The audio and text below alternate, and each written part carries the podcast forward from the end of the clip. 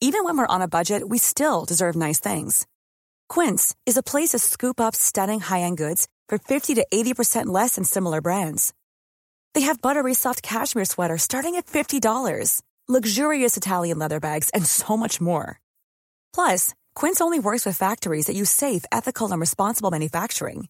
Get the high-end goods you'll love without the high price tag with Quince.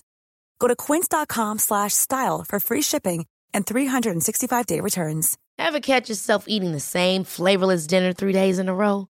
Dreaming of something better? Well, HelloFresh is your guilt-free dream come true, baby. It's me, Kiki Palmer. Let's wake up those taste buds with hot, juicy pecan-crusted chicken or garlic butter shrimp scampi. Mm. Hello Fresh. Stop dreaming of all the delicious possibilities and dig in at HelloFresh.com. Let's get this dinner party started. Everyone knows therapy is great for solving problems, but getting therapy has its own problems too, like finding the right therapist, fitting into their schedule, and of course, the cost. Well, BetterHelp can solve those problems. It's totally online and built around your schedule. It's surprisingly affordable too. Connect with a credentialed therapist by phone, video, or online chat, all from the comfort of your home. Visit betterhelp.com to learn more and save 10% on your first month. That's BetterHelp H E L P. I can discuss some of the psychological aspects of the case. You've got to get a hold of yourself. Now look here, Johnson, I'm going to get to the bottom of this. I can discuss some of the psychological aspects of the case. And you're really crazy, you know that? Oh, yes, I remember that. Is this any concern of yours? Stop, stop, stop it now. I mean it. Ja, hei, det er psykolog Sondre Livrød her.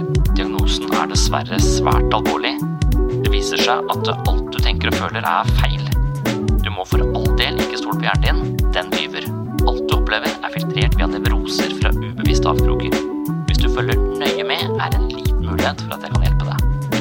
I've discussed some of the I've discussed some of the I've discussed some of the psychological aspects of the case. Oh, I'm just losing my mind, that's all.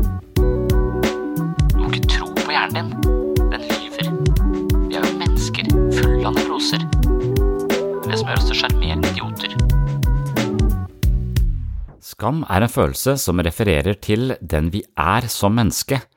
Å føle på skam er ofte litt eh, diffust og uhåndgripelig. Det er en nagende opplevelse av å være feil eller verdiløs som menneske.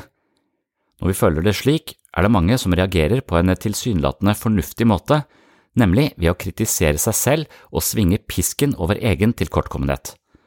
Det er nesten som om man tror man løser problemet med skam gjennom selvkritikk, men faktum er at man sannsynligvis kun opprettholder et psykisk økosystem hvor skammen avstedkommer selvkritikk, som igjen gir skammen legitimitet og lar den vokse som en slags eh, psykisk kreftsvulst.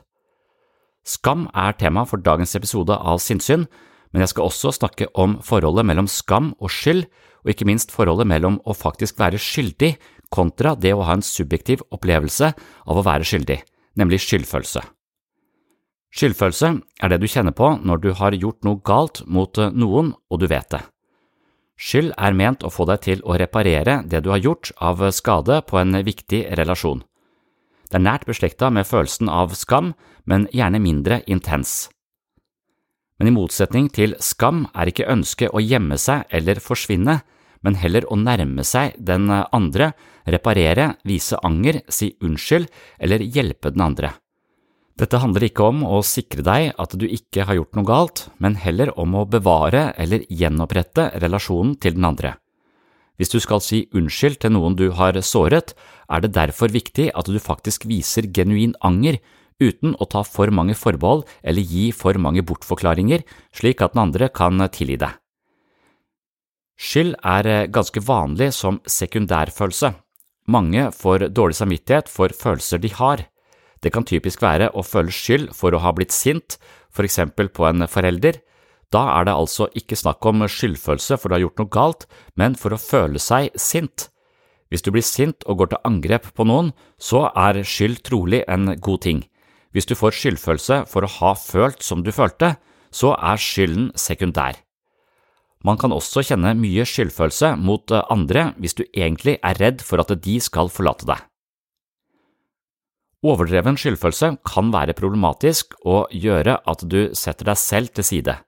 Som oftest skyldes det at du på ulike måter har blitt fortalt at andres følelser og behov er viktigere enn dine egne. Du strever i så fall med å gjøre viktige ting for å ivareta deg selv og kanskje også de rundt deg. En viktig motgift mot problematisk skyldfølelse er selvhevdende sinne, og stå opp for at dine behov også er viktige. Dette kalles å endre følelser med følelser. Det kan også tenkes at du i det du ikke tar hensyn til egne behov, men hele tiden gjør andre til lags, så vil du tilsynelatende håndtere en underliggende skyldfølelse, men du vil også oppleve mer av en mer eksistensiell form for skyldfølelse. Den eksistensielle skyldfølelsen er annerledes enn den interpersonlige skyldfølelsen. Interpersonlig skyldfølelse dukker opp når vi har begått en urett overfor noen andre, mens den eksistensielle skyldfølelsen dukker opp når vi begår urett mot oss selv, eller når vi ikke tar hensyn til egne behov og preferanser. Dermed vil selvoppofrelse som strategi for å unngå skyld kanskje kontre den interpersonlige skyldfølelsen, men eskalere den eksistensielle skyldfølelsen. Og nok en gang er vi inne i et psykologisk økosystem som forringer vår livskvalitet betraktelig. Og det er altså innledningen til dagens episode, som da skal handle om ulike nyanser og avskygninger av følelsene skyld og skam, og her er det mange underdimensjoner som kan være viktig å kjenne til, sånn at ikke skyld og skam ligger som en klump i brystet og hemmer både kreativitet, motivasjon og livskvalitet. Så velkommen til en skamfull episode av Sinnsyn. Jeg syns det er litt ubehagelig å sitte her. Det gir en følelse av skam, som er dagens uh, tema, egentlig. Så bare det å sitte på enden av bordet, liksom, er, uh, det, er alltid, det er alltid sjefen som gjør, uh, som gjør det. Hjemme så er det, er det seksåringen som sitter på enden av bordet, og hun er helt åpenbart sjefen òg. Men temaet er skam og skyldfølelse, men egentlig skam og selvfølelse. Det er noen som sier at det, lav selvfølelse er som å kjøre gjennom livet med brekket på. Og jeg tror skam er den uh, følelsen som i størst mulig grad ødelegger selvfølelsen til et menneske. Så det å ha da et språk på skam og skyldfølelse, det kan være kanskje et viktig, eh, et viktig verktøy vi snakket jo sist om språket og hvordan språket kan både binde oss til litt snevre forklaringer, men det kan også åpne opp for eh, sider av oss selv som ikke visste var der. Så språket kan kaste lys over eh, noe som tidligere var ukjent, men det kan også forklare ting på feilaktige måter som gjør at vi binder oss til noen destruktive forklaringsmodeller på oss selv. Men da tenker jeg at eh, hvis vi har i bånd at alt vi tenker og føler er feil, så er det rett og slett bare en slags vaksine mot å sette seg fast i ett spor og bare kjøre det sporet. For sannsynligvis er det litt riktig, men så finnes det andre spor som vil kaste et annet lys over tematikken. Så da hadde jeg lyst til å bare snakke i dag om skam igjen. Skam og, og kanskje forholdet mellom skam og skyldfølelse. Og en sånn type mild skam, det er når vi rødmer eller eh, er sjenerte og det ansporer oss til å trekke oss litt unna. Det er også sånn at det, den skammen vi selv føler, den vil ikke nødvendigvis bare gjelde oss, den vil også bli litt toneangivende for hva som er greit og ikke greit i miljøet rundt oss. Så når vi skammer oss mye, så blir vi også litt som en eh, slags eh, moralpoliti, enten vi vil eller ikke. For det kommer til å sive ut, på, på sett og vis. Det har jeg ikke tenkt så mye på før, men det skjønner jeg. For skam, skyldfølelse, empati og kjærlighet er sosiale følelser. Og noen av de er bedre enn de andre, men, men, skam blir sett på som en sosial følelse fordi det er så jævlig viktig for mennesket å høre til i fellesskapet. Derfor så har vi en følelse av skam ofte for å regulere oss sånn at vi blir likt av andre.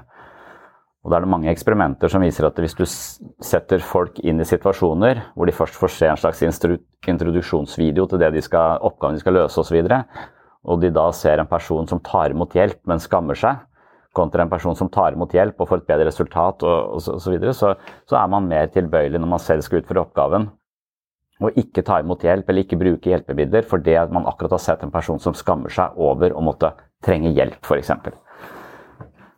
Så det, det, tenker jeg at det er en veldig sånn sosialt regulerende følelse. Og folk som går ut med mye skam, de kan eh, lage et litt sånn trangt eh, klima, da. Og, noen ganger så, så, føler jeg veldig tydelig på det, at jeg sier et eller annet sånn eh, i et foreldremøte som kanskje er litt sånn sleivete, men jeg mente det, og det var litt rett fram. Og, men, men, jeg tenkte ikke at det var til skade for noen, eller noe, noe sånt. Og så sier noen andre som jeg, noe som jeg anser som mye mildere og vennligere. Og så etterpå sier de uff, var det feil av meg å si det? Var, det? var det, litt for mye? Og så nevne det? Var det, ble det litt sårt for noen siden jeg tok opp, uh, tok opp det? Så tenkte jeg faen, hvis du syns det var sårt på det du tok opp, hva skal jeg føle med det jeg sa? Altså, da, for da føler jeg at jeg har lagt lista på hva som er moralsk riktig, på et nivå hvor jeg helt åpenbart hadde trådd over. da. Så da så jeg at skammen til dette mennesket la lista på et sted som gjorde at jeg måtte vurdere hvor, hvor mye jeg skulle skamme meg. Og, og, da hjelper det meg hele tiden å tenke det der med at det, altså jeg gir en slags hennes vurdering av situasjonen som kanskje feilaktig. Jeg mener at alt hun tenker og føler er feil, og måten hun ser det på er bare sånn 5% riktig. Så jeg degraderte henne til nesten helt ubetydelig, sånn at jeg skulle komme litt lettere unna det med egen, mitt eget innspill. Og så kan jeg se på det litt senere og se er jeg litt hensynsløs, er jeg litt sånn, og så, så gradere det opp. Men hvis jeg tenkte at hennes måte å se situasjonen på var sann, så hadde jeg fått et kjempeproblem etterpå. Da måtte jeg ringt alle foreldrene og sagt unnskyld. Og det var det ingen egentlig grunn til, sånn jeg, sånn jeg ser det. Men så er det også en, en viktig forskjell, tror jeg, på, på dette med, med, skam og skyldfølelse. For det, det sies at det skam det forteller oss bare hva som er feil og hva vi ikke skal gjøre, men det forteller oss ikke hva, vi, hva som er riktig å gjøre. Så det er eh, en litt dårlig pedagog. Og samtidig så vil skammen ofte anspore deg til å prøve å skjule noe eller gjemme deg, eller late som om liksom, du har et eller annet i deg. Kanskje en, en grunnleggende følelse av ikke være god nok, som du prøver å skjule fra omgivelsene. Der du får alle disse maskene eh, osv. Så, videre. så skammen er en følelse som får deg til å trekke deg unna og tilbake. Mens den er i familie med skyldfølelsen. Men skyldfølelsen er ofte mer knytta ikke til hvem du er som menneske, men hva du har gjort som menneske. Og skyldfølelsen er en mer prososial følelse i den forstand den gir deg et initiativ til forsoning. Den ønsker å si unnskyld. Så den er proaktiv. Den er ikke på flukt fra. Den, den, ofte, den ansporer deg ofte mer, eller motiverer deg til å f.eks. Si, si unnskyld. Så Derfor så virker det på meg som en en, mer, en langt mer eh, produktiv følelse og en langt mer gunstig følelse. og Derfor så tror jeg også at jeg oversetter mye av det som kanskje er skam hos meg, til skyld. Så jeg sier at ah, jeg har dårlig samvittighet for at jeg ikke jobber nok, eller for at jeg ikke er nok med barna. eller mens det kanskje underliggende er en sånn følelse av å være totalt tilkortkommet som pappa. Men jeg er ikke helt i kontakt med og jeg tror ikke jeg føler det heller, men det kan ligge noe Jeg gjør det om til en, til en følelse av, eh, av, skyld, for da tenker jeg at det er et bedre for mitt moralske kompass, lettere for meg å vite hva jeg skal gjøre for å gjøre bot og bedring på, det, på den situasjonen og håndtere følelsene. Og så har jeg tenkt, som jeg, jeg tror jeg sa sist, at jeg, jeg mener at det, skam ofte er en sekundærfølelse. Når vi hadde det eksempelet med han Eirik Hørte som hadde tapt et skirenn ble misunnelig på kusina. Og misunnelsen, det mente han var en, en uh, følelse som han ikke ville vedkjenne seg, eller som han kjente han hadde, men som han uh, selv visste var lite sosialt attraktiv. Så han fordømte seg selv. Eller han la skam oppå misunnelsen, for misunnelsen er en, er en stygg følelse. Det gjør meg til et stygt menneske. Det gjør meg til grusomme meg, som overskriften der. Så han prøvde å skjule, skjule misunnelsen. Eh, og da er det skam. Han skammet seg over hvordan han følte etter dette rennet, og så legger da skammen seg som en sekundærfølelse oppå primærfølelsen, som var misunnelse. Og da tenkte jeg ofte at, det, at det skam er en sekundærfølelse som legger lokk på veldig mye øh, hos oss. Kanskje spesielt sinne og sånn, og det å kunne hevde seg. For hvis jeg hevder meg, så skal det ikke så mye til før jeg får en litt myndig stemme. For jeg rett etterpå sånn Oi, var det litt mye? Uh, altså, jeg får lett dårlig samvittighet ved å være sint. da. Det er litt vanskelig når jeg er ganske mye sint. Så, så, der, så da, da, blir det mye sånn eh, eh, men, men, jeg tror også at skammen kan være primærfølelse. Og at man grunnleggende sett tenker at jeg er ikke verdifull som menneske, og, opp, og for å på en måte håndtere den følelsen, så legger du sinne som sekundærfølelse. Så blir du forbanna på folk som kommer for nær. Eller eh, narsissisten er overdrevent fortreffelig for å som en sånn eh, lokk over den underliggende skamfølelsen. Så jeg tror, tror du kan ha skam både i bånn og på topp. Og at det gir litt forskjellige eh, utslag. Hvis du har skam på topp og den undertrykker alt sinne, så blir du lite selvhevdende, passivt aggressiv og, og har problemer med å ta din plass, hevde dine behov. Hvis du har skammen i bånn, så tar du for mye plass. Du sier fra, du skyver folk unna. Så to, to forskjellige strategier. Og noe av det de sier om skam, er at skam er den følelsen som i størst grad opprettholder eller understøtter eller forsterker eller forårsaker psykiske lidelser. Så skammen er den, den, den følelsen som gjør mest faenskap, da. Jeg tenker at en mild grad av skam, eller kanskje skyldfølelse, er veldig viktig å ha tilgjengelig i sitt moralske kompass. Men for mye skam, det tror jeg som jeg sa, ble en svulst på, på selvfølelsen. Så man kan kanskje forestille seg at Atle Antonsen kunne hatt hakk ikke mer skam tilgjengelig på bar boka, og at det hadde tjent han på en ganske god måte. Det, det hadde han ikke. så være, Den følelsen må være der, men når den blir bitte litt overdimensjonert, så tror jeg den er vår verste, verste fiende. Og jeg tror den gjør det på den, på den måten at det, vi på et eller annet tidspunkt har fått en slags grunnleggende idé om at jeg er ikke helt verdt å elske, eller jeg er bare verdt å elske hvis jeg gjør sånn og sånn. Altså grunnleggende følelse av å ikke være verdig som menneske og den aktiveres veldig lett. Og så tror jeg vi ved, når vi kjenner på den følelsen, så tror jeg vi håndterer den følelsen ved å rakke ned på oss selv. Så jeg tror det som virkelig sørger for at skammen er det som forsterker all psykisk lidelse, er fordi det understøtter den indre kritiske dialogen vi har mot oss selv. Så hver gang vi kjenner på en sånn tilkortkommenhet, skamfølelse, så tror vi at vi er på ballen hvis vi pisker oss selv, kjefter på oss selv, slår oss selv. Og, og det, det, er jo litt som å tro at det å gruble løser Altså du har et problem, og så grubler du hele natta på det problemet fordi du tror at grubling på en eller annen måte vil løse problemet, selv om det er åpenbart for deg og alle andre at det å tenke mer på dette gjør bare at jeg mister søvn. Jeg kommer ikke til å løse problemet ved å gruble, men jeg tror likevel at grubling er en måte å håndtere problemet på. Og på samme måte, litt sånn som vi snakket om nesten som en avhengighet, at bekymring for en med mye angst kan virke som en avhengighet. Hver gang det kommer en ubehagelig følelse, så begynner man å bekymre seg. For det er, eller hvis det kommer en ubehagelig følelse, så begynner jeg å drikke. Altså, hvis jeg er urolig, så hjelper seks øl. Og hvis jeg er urolig, så hjelper det å begynne å bekymre seg, ligge våken om natta uh, og, og gruble. Det er, det er, litt sånn en, et slags avhengig mønster. Og hvis vi har mye skam, så tror jeg at det, selvforakt og eh, selvtukt er, eh, er, måten vi håndterer eh, følelsen på. Og det, altså Selvkritikk oppleves som problemløsning, for da blir følelsen regulert. Men det er jo en veldig kostbar strategi på sikt. da. For det å regulere skam ved hjelp av selvkritikk blir litt som å fortelle oss selv at skammen er berettiga. Så skammen forsterkes hver gang du tukter deg selv som svar på skam i utgangspunktet. Så der har et eh, ganske interessant eh, psykologisk eh, økosystem som mange mennesker går og baler rundt i, tror jeg. Og som er jævlig destruktivt. Og en annen ting som gjør skammen såpass farlig, er jo at den opererer litt Jeg sier at den, er, den, virker, den virker ikke proaktiv. Den virker på samme prinsipper som unnvikelse. Sånn at uh, hvis du har angst, f.eks., så, så vet vi at uh, det å flykte fra alt du er redd for, det gir deg et liv på flukt. Og summen av uh, Altså, frykten din forsterkes idet du flykter ifra alt du er redd for. Så du vil leve med en kronisk frykt, og det er angst.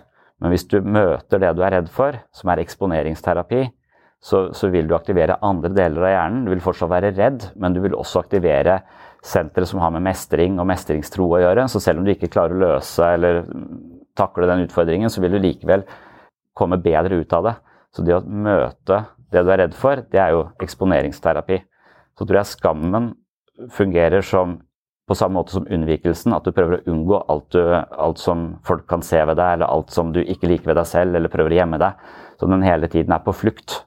Mens eh, skyldfølelsen sannsynligvis vil være mye mer proaktiv og da motivere deg til en aktiv handling, til forsoning. Så, så derfor en, en, mer sånn uh, mer hensiktsmessig følelse. Det er nesten litt rart at vi har eh, skam i det hele tatt. Altså sånn, eh, hadde vi ikke holdt med skyldfølelse? Det kan nesten virke som om skam er en slags ond fetter av, uh, av skyldfølelsen.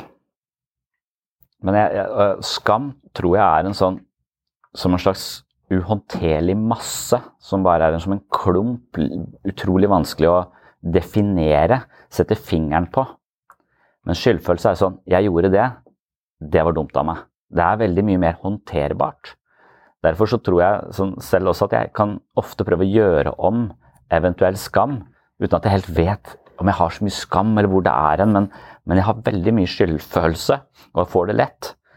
Så, så, da tror jeg ofte jeg oversetter det til dårlig samvittighet for at jeg ikke gjør det, ikke gjør det, eller burde gjort sånn og sånn, eller og, og, og, så lenge vi mennesker lever under de premissene at vi vet hvordan ting er, og vi vet hvordan ting burde vært, og vi vet hva vi har gjort, og vi vet hva vi burde ha gjort Når vi vet forskjellen på hvordan ting burde være og hvordan ting er, så tror jeg i den kløfta mellom de to tingene der, sånn, så, så, er det masse iherdige forsøk, masse motløshet, masse angst, masse uro. altså Vi fyller det her av livet på en måte med alt det slitet uh, som det er. Men så tror jeg også, for å i det hele tatt være bevisst den kløfta, så må vi ha skyldfølelse. For det er å være ansvarsbevisst, nærmest. da, Å ha en viss grad av skyldfølelse på hva som er, og hvordan ting burde, burde vært. Og så, så, sånn sett så tenker jeg, men den kan også, vi kan gå mer inn i det, men det er veldig mange varianter av skyldfølelse også. som gjør at Det er ikke bare én følelse heller, den har utrolig mange nyanser. Og den kan være begrunna, eller den kan være veldig ubegrunna. The jewelers at BlueNile.com have got sparkle down to a science with beautiful lab-grown diamonds worthy of your most brilliant moments. Their lab grown diamonds are independently graded and guaranteed identical to natural diamonds, and they're ready to ship to your door. Go to Bluenile.com and use promo code LISTEN to get $50 off your purchase of $500 or more. That's code LISTEN at Bluenile.com for $50 off. Bluenile.com code LISTEN. Hold up. What was that? Boring. No flavor. That was as bad as those leftovers you ate all week. Kiki Palmer here, and it's time to say hello to something fresh and guilt-free. Hello Fresh. Jazz up dinner with pecan-crusted chicken or garlic butter shrimp scampi. Now that's music to my mouth. Hello Fresh. Let's get this dinner party started. Discover all the delicious possibilities at hellofresh.com. Here's a cool fact. A crocodile can't stick out its tongue. Another cool fact you can get short term health insurance for a month or just under a year in some states. United Healthcare short term insurance plans are designed for people who are between jobs, coming off their parents' plan, or turning a side hustle into a full time gig. Underwritten by Golden Rule Insurance Company, they offer flexible, budget friendly coverage with access to a nationwide network of doctors and hospitals. Get more cool facts about United Healthcare short term plans at uh1.com. Men den tydeligste måten å skille skam og skyldfølelse på, er at man tenker at skam er knytta til selvfølelsen. Det handler om hvem man er som menneske. Men skyldfølelse kommer i forbindelse med noe man gjør.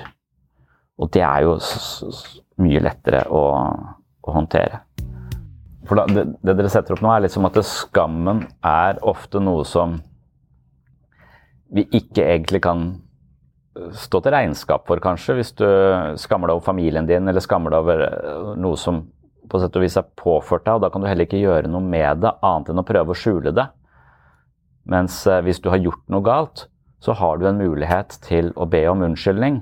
Og da kan du jo bli et større menneske. Det er jo en situasjon hvor du kan vokse, hvor du kan vise deg Du kan, ja, du, du kan score integritet, og du kan være sårbar. Det gir deg mange muligheter. Men skammen virker litt sånn fastlåst, da. hvis det, det er noe som er påført av andre, men likevel så er det jo din holdning til det som da sannsynligvis er installert av kulturen du bor i. Som jeg sier, andre menneskers Hvordan de ser på det, vil jo påvirke hvordan du, du ser på det. Og jeg lurer på om, om skammen er litt som kreft, da. For det virker som Kreft er jo en sånn, sånn ukontrollert celledeling som ikke er hensiktsmessig.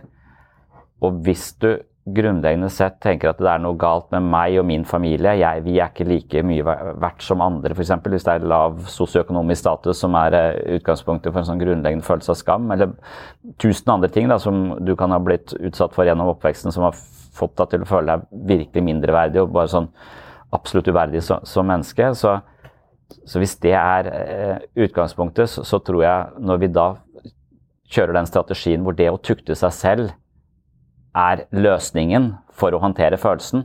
Altså Hvis vi er sultne, så spiser vi. Hvis vi skammer oss, så, så pisker vi oss selv. Så tror jeg den piskinga av oss selv nettopp fører til bare mer skam. Akkurat som en kreftsvulst bare utvider og utvider og utvider, og utvider seg. Så da er det jo hvordan vi Hva vi gjør mot oss selv av tukting, som er det vi muligens kan gjøre noe med. da. Og Det er derfor jeg tror at MDMA som slags kjærlighetsdop når du skal ransake deg selv, ikke er så jævla dumt. Fordi det virker som du kan ha en litt vennligere og mindre kritisk innstilling til deg selv. For hvis du driver og skal integrere skyggesiden i deg selv i sånn jungiansk forstand og se på alle de morderiske impulsene du ikke orker å ta ansvar for, og du er full av selvkritikk, så ville det være sånn Ja, det viser seg at jeg har lyst til å drepe broren min fordi han fikk mer oppmerksomhet enn en meg, og det gjør meg jo til et forferdelig eh, menneske. Nå tror jeg selvkritikeren har fått eh, vann på mølla til langt inn i neste år.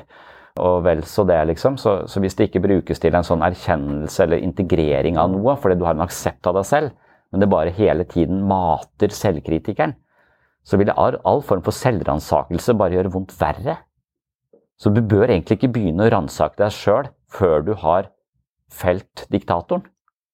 Ja, åssen gjør man det? Du burde si ifra til alle som kommer hit. Altså, ja, jeg skal finne ut av Du må jo ikke det. Du, så når du går rundt med en sånn psyko i huet, som, som driver og rakker ned på deg selv eh, for ethvert feiltrinn Alt du tenker og føler er feil. Det er derfor jeg sier det.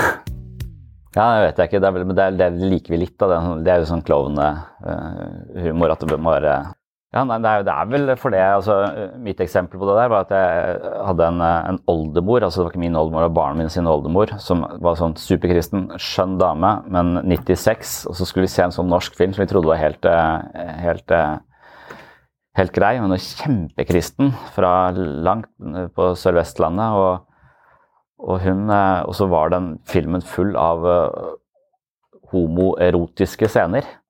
Og hun var jo verken spesielt innstilt på Eller vennlig innstilt til homofili eller porno. Så, så det ble en sånn blanding, og, ble, og hun begynte å korse seg. Noe voldsomt. Så hun satt og korsa seg i ett kjør. Og, og, det var jeg som hadde valgt den filmen. Jeg tenkte, Da var jeg sånn Skal jeg skyte meg sjøl? Altså, hvordan skal jeg komme meg ut av dette? Det er nesten sånn liksom, ja, Nå kan jeg bare fjerne deg fra planeten. Vil du det? Ja takk. Det er nesten, det er nesten så ille. Fordi jeg vet hvor standarden for hva som er sømmelig, ligger. Og jeg føler jeg har brutt den så til de grader. Men jeg visste ikke at det var Men likevel, ja. Så en sånn sekundær eh, skam.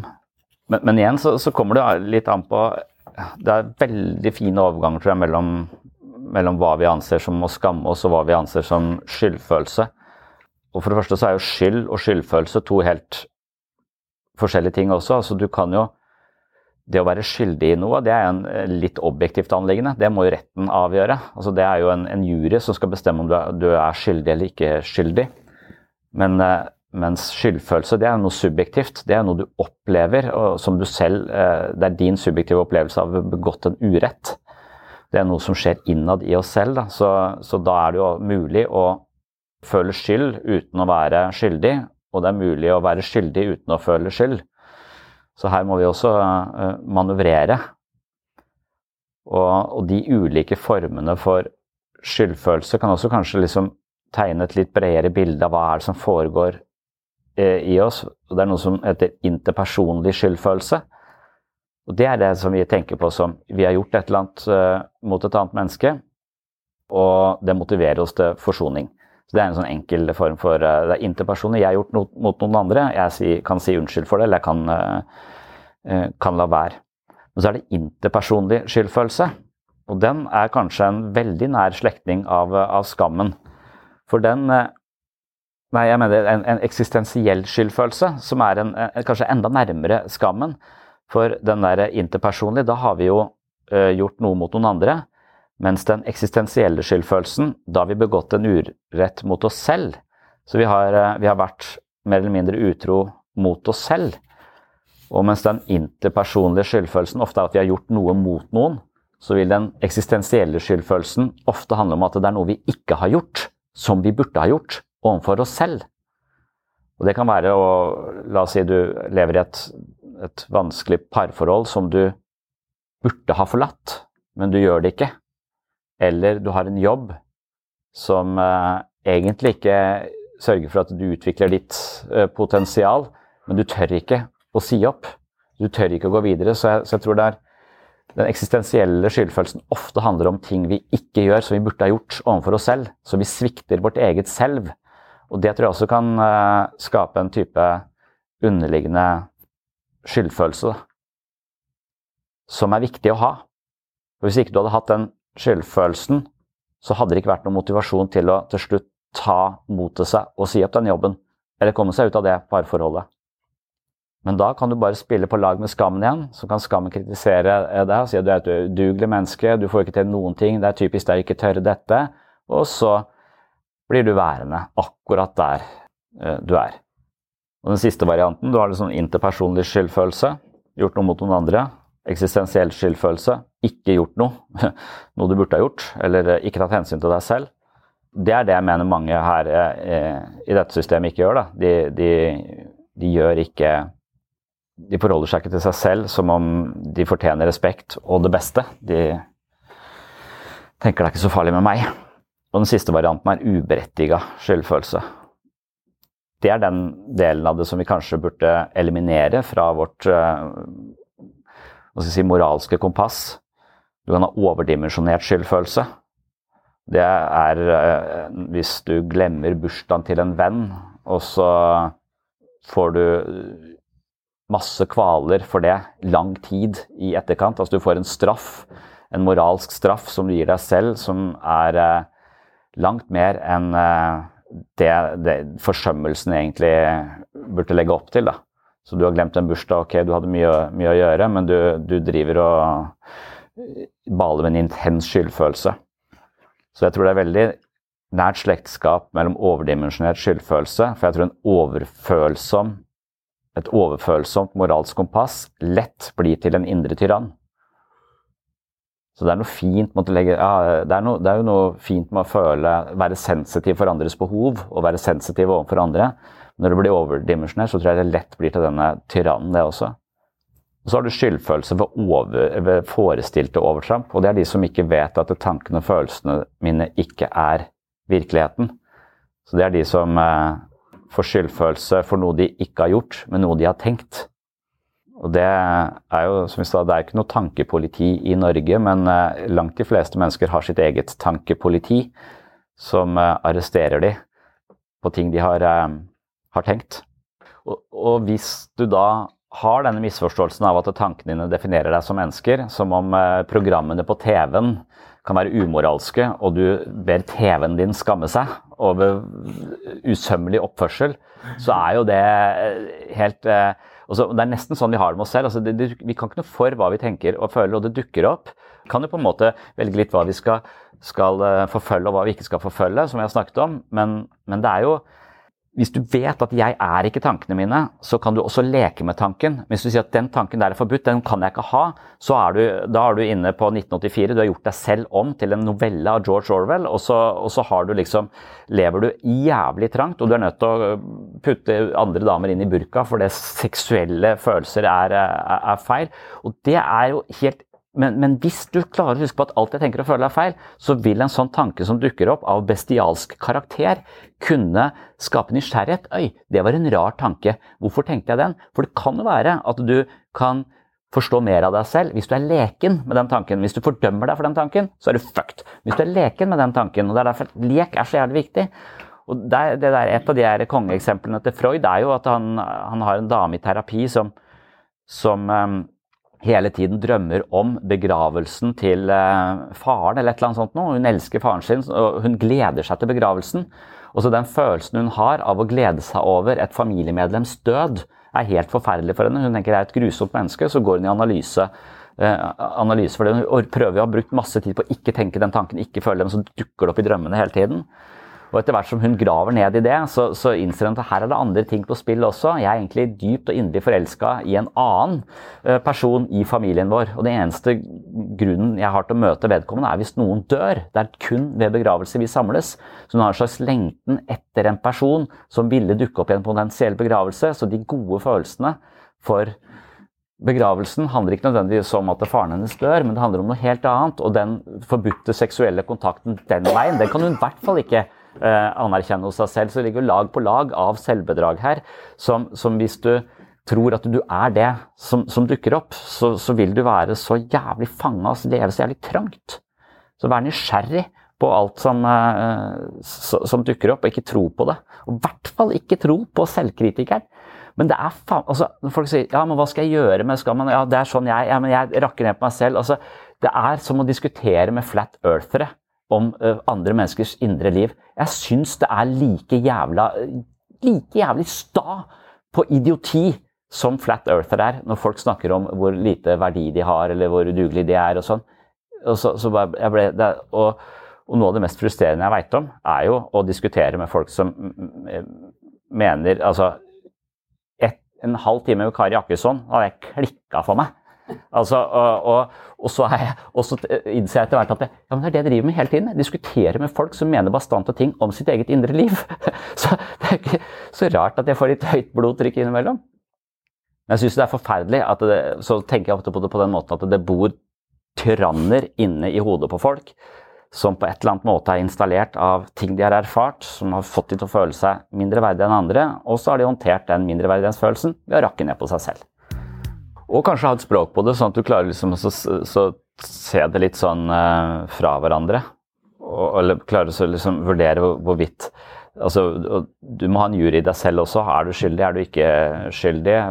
Hvor mange prosent skyld har du? Altså, så jeg har begynt å, Etter denne uka så har jeg liksom tenkt på flere sånne hvor, hvor er det jeg får skyldfølelse? Jeg får det veldig lett. Jeg, så det er kobla til aggresjon hos meg, og veldig ofte så, så selv om jeg så jeg vil få lett få skyldfølelse hvis jeg blir streng. Fordi jeg tror jeg har internalisert en eller annen sånn idé om at barn ikke må, Du må ikke heve stemmen mot barn. Altså det, det grense, altså jeg skjønner ikke hvordan jeg skal grensesette barn hvis ikke jeg skal få lov til å bruke en stemme som er litt pitcha på en annen måte enn den vanlige stemmen min. Og Derfor så, så føler jeg meg helt maktesløs overfor disse, på denne mandagstrakasseringa, som jeg kaller det, hvor, hvor vi blir eh, regelrett mishandla av seksåringer i en gymsal som vi ikke klarer å, å håndtere, fordi vi setter ikke grenser. Og da gjorde jeg det sist. Jeg tenkte nå er jeg nødt til å, ta, jeg er nødt til å få respekt for det, så blir dette helt kaos. Så da sa jeg til to sånne små jenter at vet du hva, nå, siste advarsel dere to. Hvis ikke dere to skjerper dere og hører etter på hva vi sier nå, så går dere ut i, i gangen sammen med meg, og så blir vi der resten av treninga. Og så sa jeg det med litt sånn streng stemme. Og så merket jeg jo liksom de andre voksne altså Jeg tror de tenker akkurat det samme, men jeg tror de, Oi, har vi lov til å si det? Har vi lov til å kjefte på andre menneskers barn?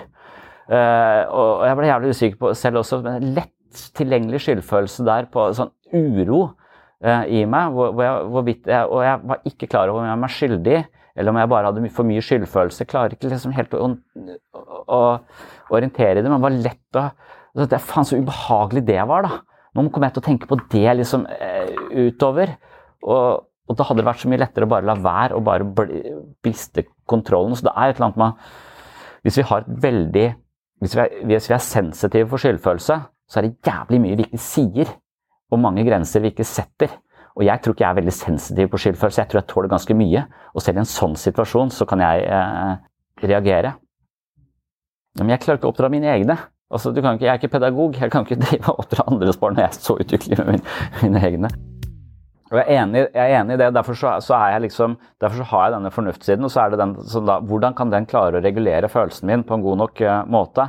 Og, og, da hjalp det meg å ha noen sånne eh, litt forskjellige typer. Er det en feilplassert skyldfølelse? Er det en, eh, en overdimensjonert skyldfølelse? Altså, var jeg så streng som jeg trodde jeg var? Altså, ja, men jeg er veldig usikker igjen. når du sier det, så ble jeg veldig usikker, for jeg føler hele den situasjonen der virker veldig sånn Hvis foreldrene er unnfallende med sin grensesetting, og de er på offentlige steder hvor andre voksne må grensesette deres barn, og de ikke selv gjør det, så vil det sannsynligvis da installere en voldsom sånn oppvekker i det barnet, men kanskje også en ganske stor klump av skam. Og da mener jeg det er den unnfallenheten hos foreldrene. altså Det ville vært bedre hvis foreldrene sørger for at barna ikke oppfører seg sånn at de får kjeft av andre voksne. For det tror jeg skader de så jævla mye mer enn hvis de får grenser i utgangspunktet. Så, så det å være et sted med et barn som, som, som andre da må, må grensesette, det må jo og det merker jeg når du sier det, så er det det er min frykt også på å gå på sånn juleverksted. Jeg er redd for at barna mine ikke skal oppføre seg eh, ordentlig, og at jeg ikke skal klare av og til, særlig hvis de har med seg masse andre barn og sånn, jeg er aleine med flere, og så, så er jeg livredd for at de skal bli irettesatt av andre voksne. For det jeg tror det skader dem, og det skader meg, og det skader hele forbanna er bare å peke på dette burde du hatt kontroll på før du kom hit. Jeg vet ikke om jeg gjør det, men jeg, fall, men jeg tenker den måten å tenke på det gjør det hvert fall litt sånn tydeligere. Og jeg tror nok kanskje jeg også i høy grad er redd for den, dere snakket om i stad, sekundærskammen. Jeg er redd for at det, min datter skal skamme seg over min måte å være på overfor de andre barna. Det er også en, en frykt som, som, som, ligger i det. Og så, tror jeg det, det, som skjer nå, da, at dere, dere, gir innspill på den følelsen av uh, skyld, skam, uh, et eller annet sånn blurry. At det, det istedenfor å ikke nevne det. Jeg syns ikke dette er en sånn veldig skamfull situasjon, så det, det, bryr meg ikke så mye. Men jeg var i en verre situasjon uh, i går. For da, da sto det en fyr utenfor skolen og sto og hytta mot skolen og kjefta ut i lufta, som om han kjefta på skolen. Og det var liksom sånn veldig sånn, det virka skremmende. Jeg har sett han før, han stå, står der.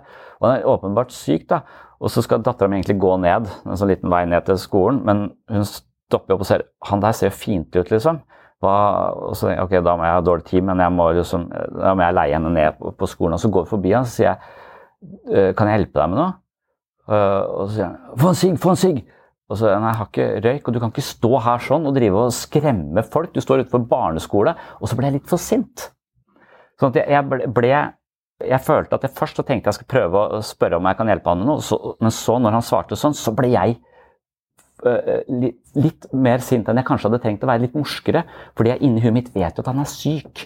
Han har sannsynligvis uh, rusa seg, han er sånn småpsykotisk. Altså, jeg veit jo. Men at han står der og skremmer barna. Og så tenkte jeg at faen, dette er mitt sånn Will Smith-moment også. Altså, Noe av grunnen til at jeg ble så sint nå, er at jeg skal vise dattera mi at jeg står opp for henne. eller et eller annet, Hun er bare seks år. Jeg skulle prøve å være ikke redd. Jeg skulle ikke være redd for verden. Vi er ikke redd for mennesker. Så, så sånn misforstått sånn beskyttelse hvis det hadde, uh, Will Smith misforstår en sånn der, 'jeg må være mann og beskytte kvinner', liksom, som, som egentlig bare er sånn der, kvinnediskriminerende på et eller annet plan. da. Men Det er litt annerledes med barn. men Jeg følte liksom at det er mye ved den situasjonen som i etterkant ga meg ganske mye uro. Som jeg tror er en blanding av skyld og, og så driver jeg så og litt skam over at jeg liksom var så streng, da, for han var borte etterpå. Jeg tror jeg skremte han vekk, liksom. Og det vet ikke om det var det Det var ikke det han trengte, men det var kanskje det jeg tenkte. Nå vet jeg at det kommer en kaskade med andre unger som skal gå forbi her sånn. Hvis han står der og hytter med nevene, så vil vel det bli litt ufint. Så, så så hele den der situasjonen der er så jævlig eh, Ja, det var, var en barne, barneskole, så, så da, da, er det liksom sånn Ja, ja det, er, det, er, liksom mange som kan uh, Som er i nærheten her, som har ulike utfordringer, men det er liksom Det er et eller annet veldig ubehagelig med å ha mista uh, besinnelsen noe sånn litt sånn Jeg har ikke mista besinnelsen, jeg var bare streng mot han. Uh, og, og da må jeg liksom jeg tror, da gjør jeg opp, da begynner jeg å tenke var dette riktig, var det ikke riktig? Og så har jeg en slags indre rettssak, men den må være ganske rettferdig. Og jeg mener i denne situasjonen at jeg hadde akseptert et forenkla forelegg på 300 kroner. Og det, det, det jeg mener burde vært resultatet. At overtrappet var ikke 1000 kroner, det var 300 kroner forenkla forelegg. Og hvis jeg ser han igjen, skal jeg gi han 300 kroner. Eh, egentlig så burde jeg kanskje sagt unnskyld til han eller snakket med han etterpå. Jeg så han sto på et busstopp, og, og, og Geitam var ikke helt tilgjengelig var ikke så, jeg, var ikke, jeg var ikke sånn veldig streng i stemmen. Jeg sa at du må gå vekk, kan ikke her. Men det er kanskje, kanskje det som er litt av det vi At den kollektive samfunnsmessige komponenten i hvor skamterskelen ligger, som kanskje og, Og den hele tiden følelsen av å vite hvordan ting burde vært, og hvordan det faktisk er, Å se den diskrepansen der sånn, og føle seg tilkortkommen. Altså, det er så mye og, og, hvordan vi håndterer folk som trår over strekene nå. Altså, vi, det hadde vært lettere å trakassere noen på Boka Bar før sosiale medier. Nå er det jævlig vanskelig. Altså, du, du, får en, eh, en, slags tsunami av uh, skam din vei, og det kan godt være det er, det er fortjent, men vi blir veldig klar over hva vi, hvis skammen har den effekten på oss at vi vet i hvert fall hva vi ikke skal gjøre. Er litt usikre på om det motiverer oss til å gjøre det riktig alltid. Så, så vet vi i hvert fall hva vi ikke skal gjøre, i stor grad. Og kanskje, kanskje den digitaliseringa på en måte overdimensjonerer alle typer følelser. Øh, og at uh, skammen er en av de som Eller i hvert fall det kan Ikke bare det at vi, vi, vi driver og fungerer som et slags moralpoliti og mene noe om andres overtramp hele tiden. Men, eh, men, at vi også hele tiden blir eksponert for standarder som vi ikke helt klarer å, å, leve opp til. Perfekt pedagogikk. Perfekt måte å håndtere eh, barn som ikke vil høre på. Og så har vi også den feilplasserte skyldfølelsen, da, som, eh, som er en, en, variant av dette også. At vi At ikke bare så at vi føler at det der forsvarsmekanismen hvor vi overtar andres eh, skyld for å regulere opplevelsen av verden. Det er også en, eh, en variant av det. Hvor, vi, hvor offeret tenker at 'jeg satte ikke grenser', og det er derfor overgriper gjorde det vedkommende gjorde. Men det er jo min skyld for det jeg ikke satte grenser. Det er jo også en måte å regulere det å være i verden på. At det er tryggere å være i verden hvis det var jeg som ikke satte grenser, enn hvis folk kan bare trå over grensene mine. Så da tar man jo på seg en type skyld som man egentlig ikke eh, som, Hvor man ikke hadde blitt dømt i en rettssak. Objektivt så er man ikke skyldig, men man tar på seg skyldfølelse for, å, for det man får tilbake, er en større grad av trygghet i verden. Så jeg tror nok kanskje en del sånn skyldfølelse som ligger litt sånn latent og, og fra situasjoner vi snakket sist om det å bearbeide fortiden og integrere den, kontra det å ikke klare å stoppe å tenke på fortiden og gå baklengs inn i fremtiden. Mens eh, jeg tror noen ganger at vi har skyldfølelse som ligger i oss fra ja, enten noen har lest vers fra Bibelen, eller at uh, vi har følt oss uh, Det var noe forskning som viste at førstefødte har mer skyldfølelse enn de som kommer etter, f.eks. Og den, den uh, det ønsket barnet har om å ta livet av det nye barnet som har kommet inn i familien, for det tar all oppmerksomheten, det kan nok på et eller annet nivå ligge som en sånn type skyldfølelse som ikke lenger er bevisst. For jeg visste at ja, ja, jeg var litt kjip mot uh, lillebroren min fordi jeg var irritert på han, for han stjal plutselig halvparten av uh, all den oppmerksomheten og mer til som jeg uh, skulle hatt, så jeg mislikte det som barn. Men at det også ligger som en sånn slags uh, ubevisst hukommelse som lett dukker opp hver gang vi føler vi tar litt for mye plass eller vi gjør litt for mye. Altså det, det, da, mangler slags, da, mangler det bearbeiding av fortiden og mangler integrering av at det var det lille barnet. Altså det, uh, du driver nå og soner en dom over noe du gjorde før du ble gammel nok, og det dukker ikke opp som at å, jeg går ut og tenker på at jeg tok for mye plass som barn. Det, det dukker opp i nye situasjoner. En slags uh, psykologisk straff. Ja, du kan prøve å gjøre bot og bedring for den følelsen du har hatt av å, og ved å da ja, legge deg under hele tiden. Ja. Og Da er det viktig at skammen prøver å bare skjule deg, mens, mens, da er det viktig å finne ut av hva faen er dette her for noe? Hvor, hvor adekvat reagerte jeg i denne situasjonen? Å vite hvor opptatt er jeg av at folk skal akseptere dette og synes at dette her var adekvat for å slippe unna en ubehagelig følelse. Altså hva er, hva er på spill? Skal, eh, kan jeg orientere meg etter dette moralske kompasset mitt, eller er det helt ute og, ut og kjører? Og de som har mye feilplassert skyld, føler skyld for ting andre har gjort mot de, de kan jo ikke lytte til dette moralske eh, kompasset sitt. De må jo. Og det er en livsviktig oppgave de har, da, å justere, justere det. Og så er det noen som har det andre veien. altså Hvis du har eh, drept 70 stykker på Utøya, så er det også et eller annet med det moralske kompasset ditt og du ikke føler skyld. Så er det noe Så er det justert helt i feil retning på andre sida. Og det er litt kjipt at ikke alle bare kan bli utstyrt med en slags psykologisk ytringsfrihet og en slags eh, romslig og vennlig demokrati i sitt eget hode. Sånn at vi slipper å gå rundt med det faenskapet her.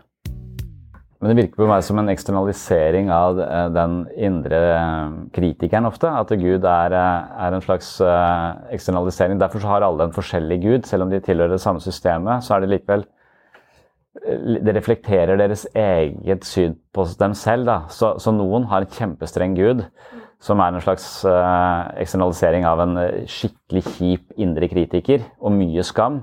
Og så er det noen som eh, er ganske rause med seg selv, og som har en ganske kjærlig, åpen og fin, uh, fin gud. Så den reflekterer ofte Den snakker ofte Den synger litt den samme melodien som den indre kritikeren vår gjør, tror jeg. Litt avhengig av hva slags religion vi, vi henfaller til.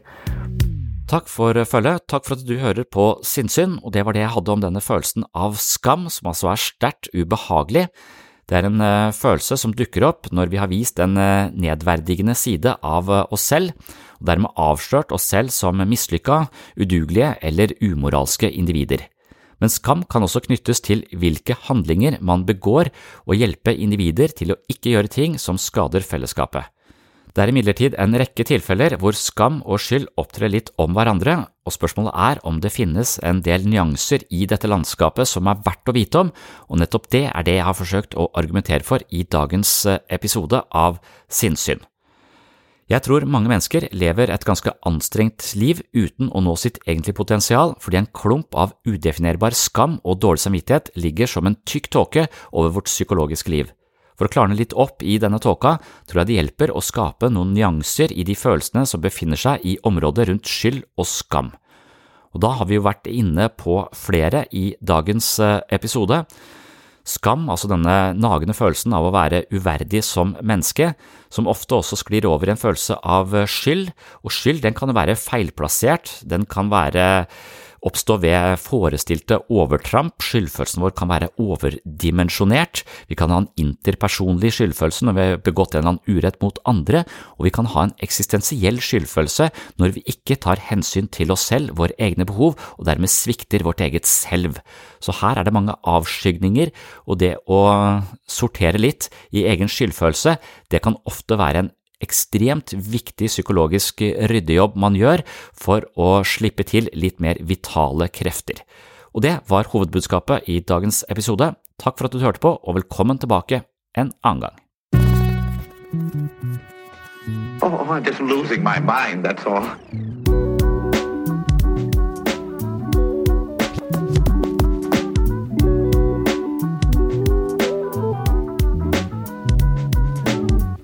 Discuss some of the I can discuss some of the I can discuss some of the psychological aspects of the case. Psycho, psycho, psychological aspects